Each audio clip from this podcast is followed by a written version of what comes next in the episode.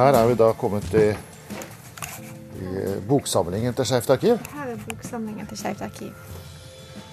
Og eh, hva slags bøker er det du har? Eh, Her har vi eh, alt mulig av bøker som omhandler homoseksualitet. Fra skjønnlitteratur til fagbøker, forskningsrapporter. Ja. Hvor stammer dette fra? Det som står her, har vi fått mesteparten fra Kim Friele. Det er del av hennes eh, samling som hun ga til oss. Vi har også fått mange mindre boker av eh, enkeltpersoner som har gitt oss bøker. Det er, no, det er en god del skjønnlitteratur også, ser jeg. Ja, det er det. Så homofili og, har vært tema i mange skjønnlitterære bøker òg. Det har det. Alt fra bøker med høy kvalitet til mer sånn eh, kiosklitteratur, som vi også har i en del av i denne samlingen. Mm. Altså, det fins vel litt sånn nærmest grenser til pornografi òg, kanskje? Ja, vi har, eh, vi har setter en viss grense. At vi tar ikke imot kanskje ren pornografiske magasiner. Men, men noe av det er jo også av historisk interesse. Så der har vi en litt sånn Vi tar imot noe materiale som kan kanskje grense mot pornografi, i den grad det har en den, mye, Det er jo mye interessant historie i, i den type magasiner. ikke sant? Mm. Hvordan det ble fremstilt, og hva man eh, var interessert i å trykke og kunne trykke. Nye norske sengehester, f.eks.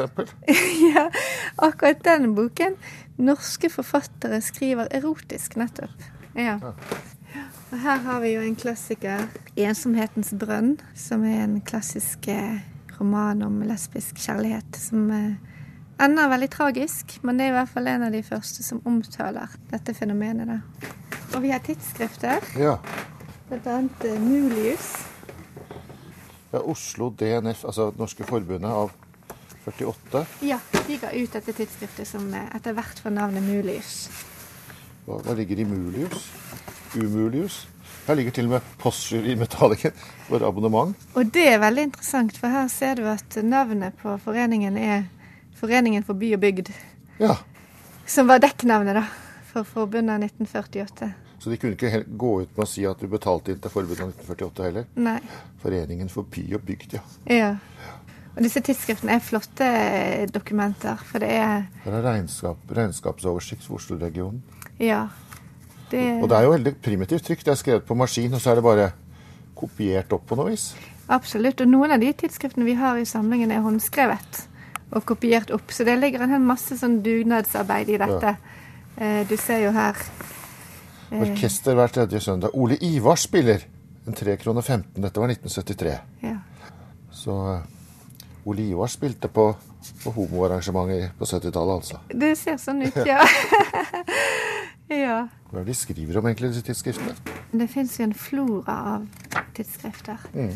Eh, De skriver Forteller om, gjengir litteratur som er skrevet, oversetter ting som er skrevet. Det er dikt og kreative tekster, det er tegninger, og det er, det er et enormt engasjement i det.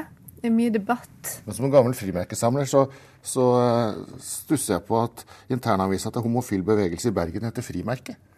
Ja, det har sammenheng med lokalet der de hadde sin forening, som var Filatelistklubben sitt lokale opprinnelig. Så der tok de navnet både på stedet og eh, medlemsbladet sitt etter hvert. Hvor viktig var disse tidsskriftene, tror du, for, for eh, homofile den gangen? Jeg tror de var veldig viktige. Dette var jo før internett. Det, det var jo på mange måter en sånn oppslagstavle. Dette skjer i miljøet. Dette har skjedd, dette skal skje. Det var, eh, det var et sted å få informasjon og dele informasjon. Hvordan, hvordan kom, i hvert fall hvis du går tilbake til den tida hvor dette var eh, mye mer skambelagt, eh, hvordan kom man i kontakt med hverandre? Hvordan man ikke kunne, hvis man ikke kunne annonsere og ikke kunne stå fram? Nei, det er et godt spørsmål. Ja, man kan jo lese Kim Friele sin beretning om hvordan hun satt på en benk i en park og, og ventet og speidet etter lesbiske og homofile som hun hadde hørt rykter om skulle se sånn og sånn ut. Ja. Har vi noen andre eksempler på noe Her har vi løvetann. løvetann? Løvetann er fantastisk. Ja. Løvetann er jo kommet ut i veldig mange år og er jo et helt annet eh, format enn en Mulius, f.eks. ja, for det, det, dette ser jo mer Dette er jo litt nyere, da, men det ser mye mer velgjort ut, for å si det sånn. Ja. Det er et, et grundig og på mange måter seriøst magasin. det. Veldig mye interessant innhold og dyktige folk i redaksjonen. Hva, hva slags blad var dette Løvetann, da? Løvetann ble startet av AHF, arbeidsgruppa for homofil frigjøring. Akkurat. Eh, Men etter hvert ble det en selvstendig redaksjon Ja. som ga det ut. Eh, Helt frem til 2003, ja. Det siste nummeret. Mm. Det starta jo som et veldig politisk blad, eh, på en måte. Men så ble det vel mer og mer akademisk og kunstnerisk i, i, i tonen. da. Arbeidsgruppa for homofil frigjøring var jo en av de radikale eh, nye eh, homoorganisasjonene på 70-tallet. I forrige utgave av Kurer snakket vi om medieomtalen av homofili fram til 1950-tallet. Den var preget av fordømmelse og skandaleoppslag.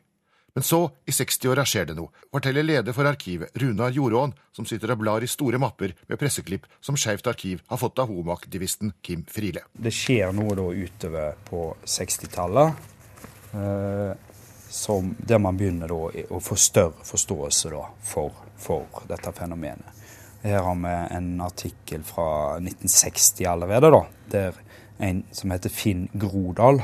Og det er et pseudonym da fra en som heter Øyvind Eckhoff, som var med i forbundet av 1948, og som var òg den første som skrev ei fagbok om homofili i Norge.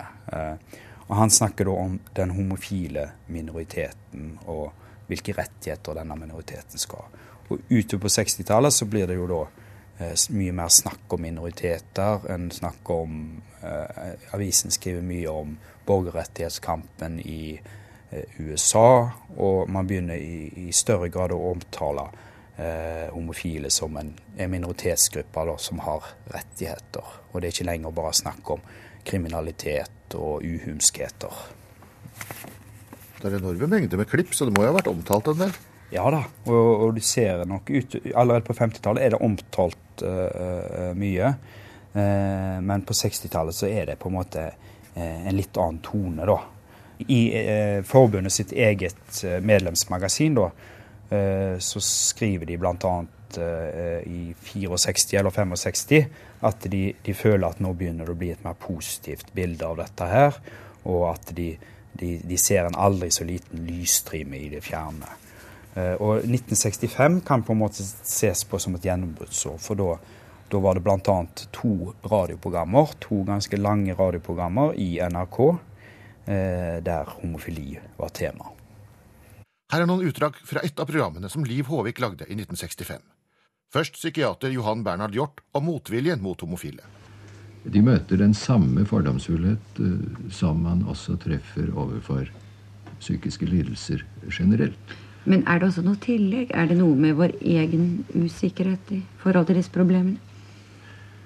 Vel, hvis man uh, ser det ut fra den oppfatning at uh, angsten for de psykiske lidelser nettopp ligger i en ubevisst angst for uh, selv å kunne få en psykisk sykdom, eller å kanskje allerede ha en snev av det, så måtte man jo da si at noe av angsten for homoseksualiteten hos andre kanskje ligger i en viss usikkerhet hos en selv.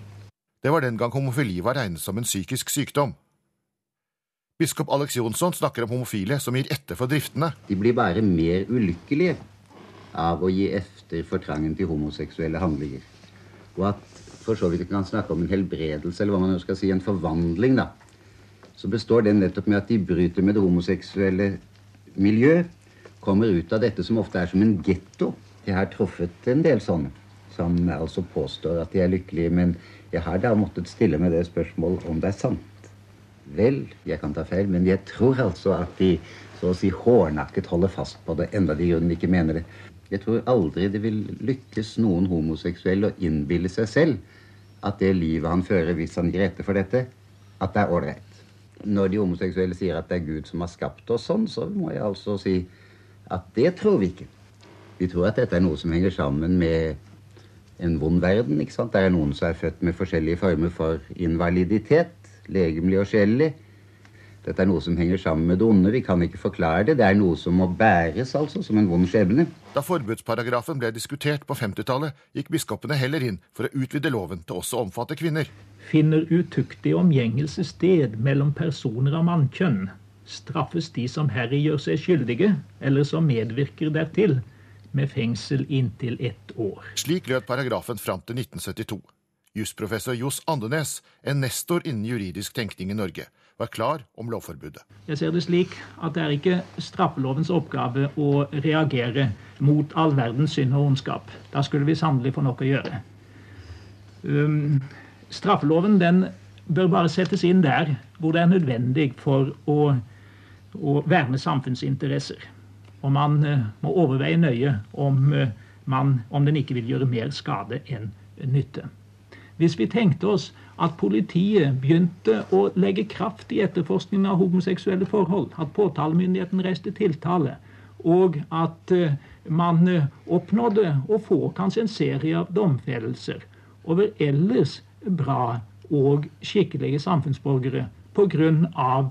disse utslag av deres særlige kjønnsdrift. Da tror jeg det ville vekke en oppsikt og en forargelse som ville medføre at straffebudet kom til å bli opphevet. Kunne gjerne funnet Vi sitter, sitter, her og blar. Nå nærmer vi oss det tidspunktet hvor debatten virkelig ble hard om denne lovparagrafen. Ja.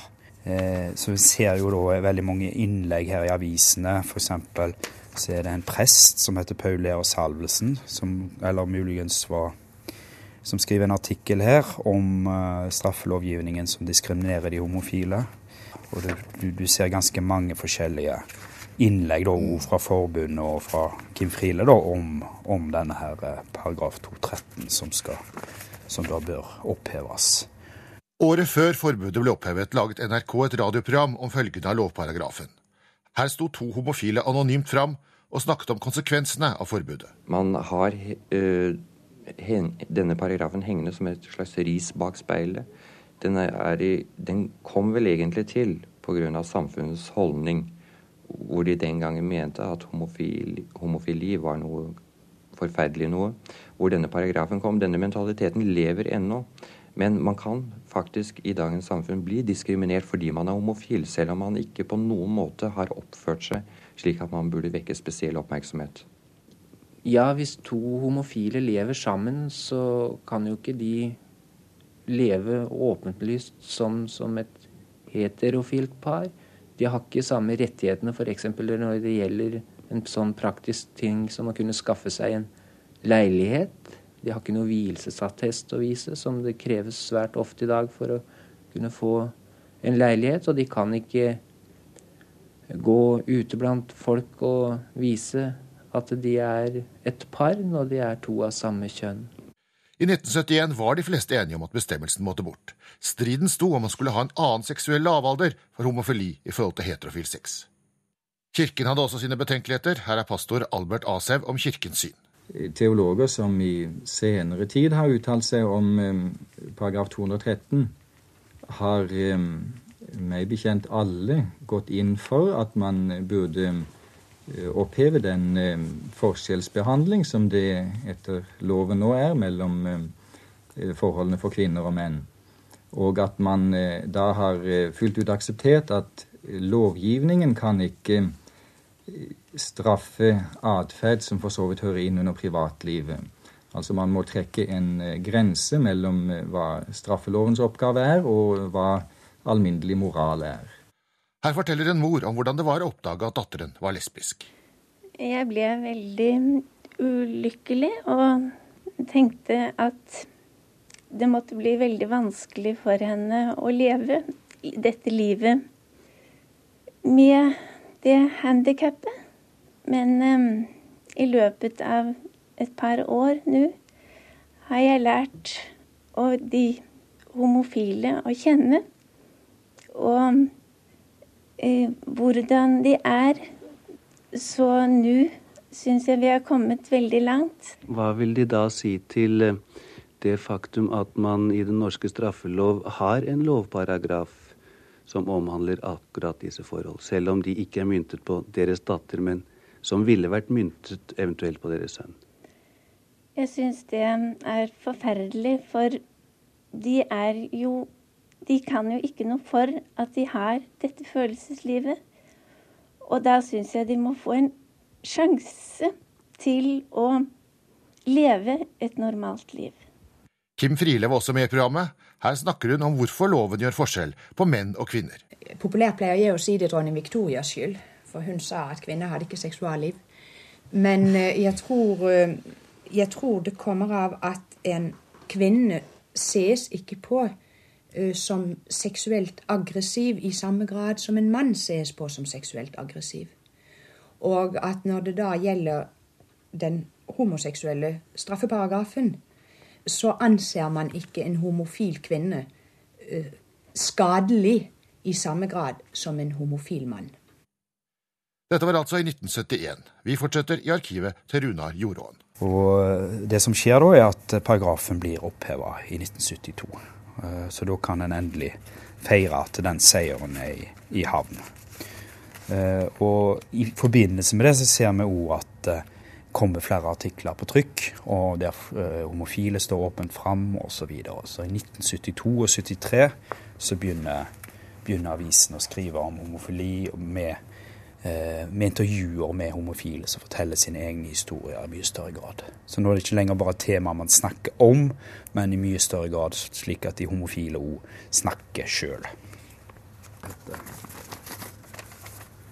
Etter at straffeparagrafen var oppheva, så var det jo en stor seier for homobevegelsen. Og en ser jo etter hvert at uh, avisen skriver mer om dette. Og i 1973 så hadde NRK et TV-program om homofili. Og da var det eh, et intervju med Kim Friele der. Og i tillegg så var det da et ungt eh, homofilt par som heter Knut Haug og Jon Gamsmo, som da eh, sto fram. Eh, og TV-teamet de var med de hjem mens de lagde middag, og de var hjemme og besøkte familien til den ene av de, og, og de fortalte da om sitt liv som homofile. Og dette var noe som da skapte eh, stor glede da blant, eh, blant homofile. Men eh, noen av oppslagene her, som du ser, hva står det her? Berett til seerstorm, ja. ja. Elster, kringkastingssjefen. Ja, Elster var ja. Og programmet som rystet det norske folk. Ja, det står det om her da i, i dagene etter at det Kristen protest mot homofili i TV. Ja. ja. Så uh, Det var sterk kost, det der. Også. Ja. ja, da er det Karen Kristine Friele som uttaler seg etter TV-innsatsen i går kveld. 'Kjærlighet er ikke unormalt', sier hun. Og det er jo òg uh, eh, noe med kringkastingsmonopolet, da. Ja. Uh, hvis vi tenker mediehistorisk, så, så hadde jo NRK en meget sentral posisjon, og, og, og folk fikk med seg det som gikk på TV, og det ble diskutert dagen etter på jobb og sånt. Så. Morgenavisen. 'Barrieren som ble brutt'. Ja. Det var første gang at et homofilt par sto fram i TV-en? Ja, det var det. Og så begynner man å diskutere homofili på helt nye måter da, etter at straffeparagrafen er, er, er, borte. Man begynner å snakke om homofili, om det skal bli tema i skolen. Og ute på 70-tallet så blir det da eh, tema, mange andre temaer. Man begynner å snakke om psykiatrien skal eh, homofili fremdeles være en psykiatrisk diagnose. Og fram mot 1980-tallet så er det òg snakk om antidiskrimineringsvern for homofile i straffeloven. Ja, Heidi Rofto. Eh, 80-tallet preges vel av, av uh, hiv og aids? Hiv og aids, ja. Det er mye uklipp om det. Her står det nei til tvang. De homofiles organisasjoner er redd kampanjen for innføring av tvang i kampen mot aids. Det vil kreve interneringsleirer for smittede. Så det var sterke ord og mye følelser og ja, moralsk panikk. Kim Friele trekker seg? Ja. Her har jeg også materiale om konflikt i forbundet 1948, der Kim Friele trakk seg fra sin stilling etter en, en, konflikt som handlet om aids i aids-debatten. Ja.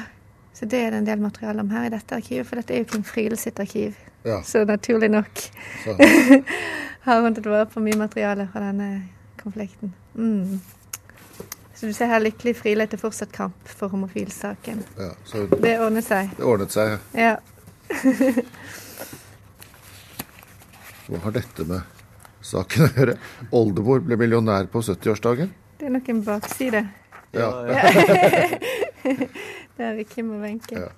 Ja, Wenche Lowzow hun var jo i politikken. Ja. Og hun ble jo skjøvet ut der. Ja, det stemmer. Etter at hun ble sto fram som lesbisk. Ja, det gjorde hun. Så, så vi var, var, ikke kommet så langt ennå. Nei, det kan du si. Det, hun mistet jo sin karriere som politiker fordi hun eh, sto frem som åpent lesbisk. Mm.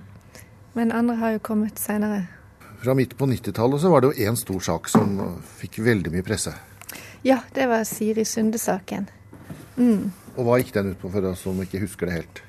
Eh, Siri Sunde var eh, prest. Hun ble kapellan i Nordre Land i 1996.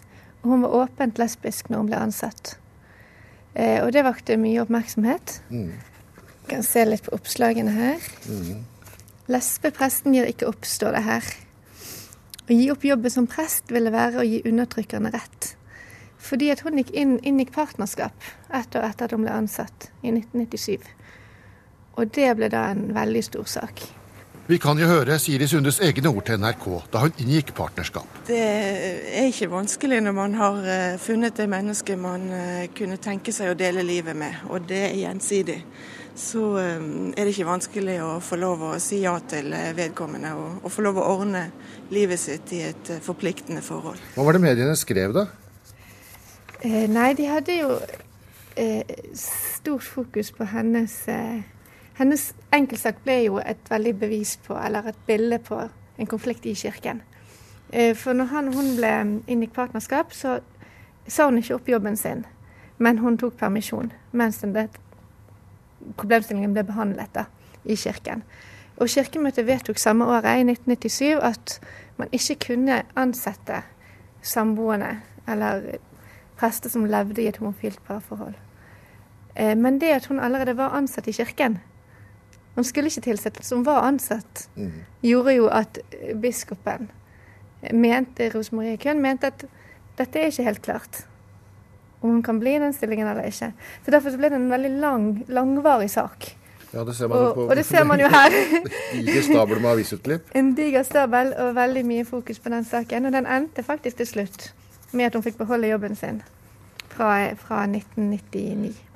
Her var det biskop Køhn sa i 1999, da hun hadde bestemt seg. Med samme rett som Kirken har endret standpunkt i andre saker, bør Kirken nå endre sitt syn på homofili. Jeg er veldig lettet i dag, og, og, også veldig takknemlig over den modige avgjørelsen biskopen har tatt. Det sa Siri Sunde etter at avgjørelsen var klar. Kirkeminister Jon Lilletun fra KrF var ikke fornøyd. Eh, jeg beklager at ikke hun her sto på det som var et enstemmig kirkemøte sin beslutning å stå på. Her begynner vi å nærme oss eh, vår tid. Ja. Jeg har funnet fram ei mappe her med presseklipp. Da ser vi at i 2000 så er det mye snakk om det å komme ut av skapet. Og her er det da bl.a. Per Christian Foss, som da i en følelseslatt uh, tale på et uh, møte i Høyre da har uh, fortalt åpent at han er homofil og lever sammen da med en mann.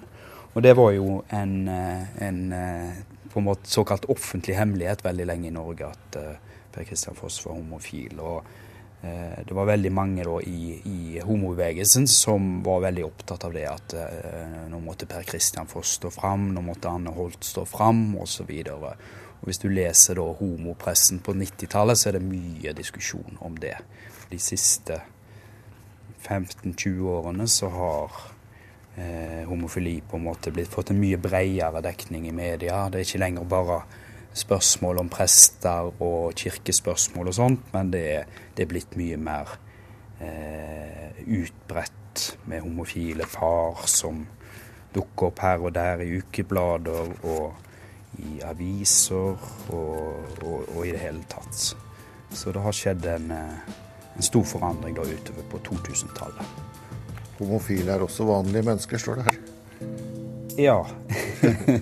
Da er det et blad der som heter Eller hvis det er et blad, jeg vet ikke. Hvis alle homofile blir grønne. Ja, og det er et uttrykk som Kim Friele har brukt veldig mye. Og, som da gikk på at eh, homofile er en minoritet som på en måte ikke åpenbart er synlig i samfunnet, og på den måten så blir den usynliggjort. Så hvis alle hadde blitt grønne, så hadde, så hadde, vi, sett. hadde vi, sett. hvor omfattende dette her var. Ja. Ja.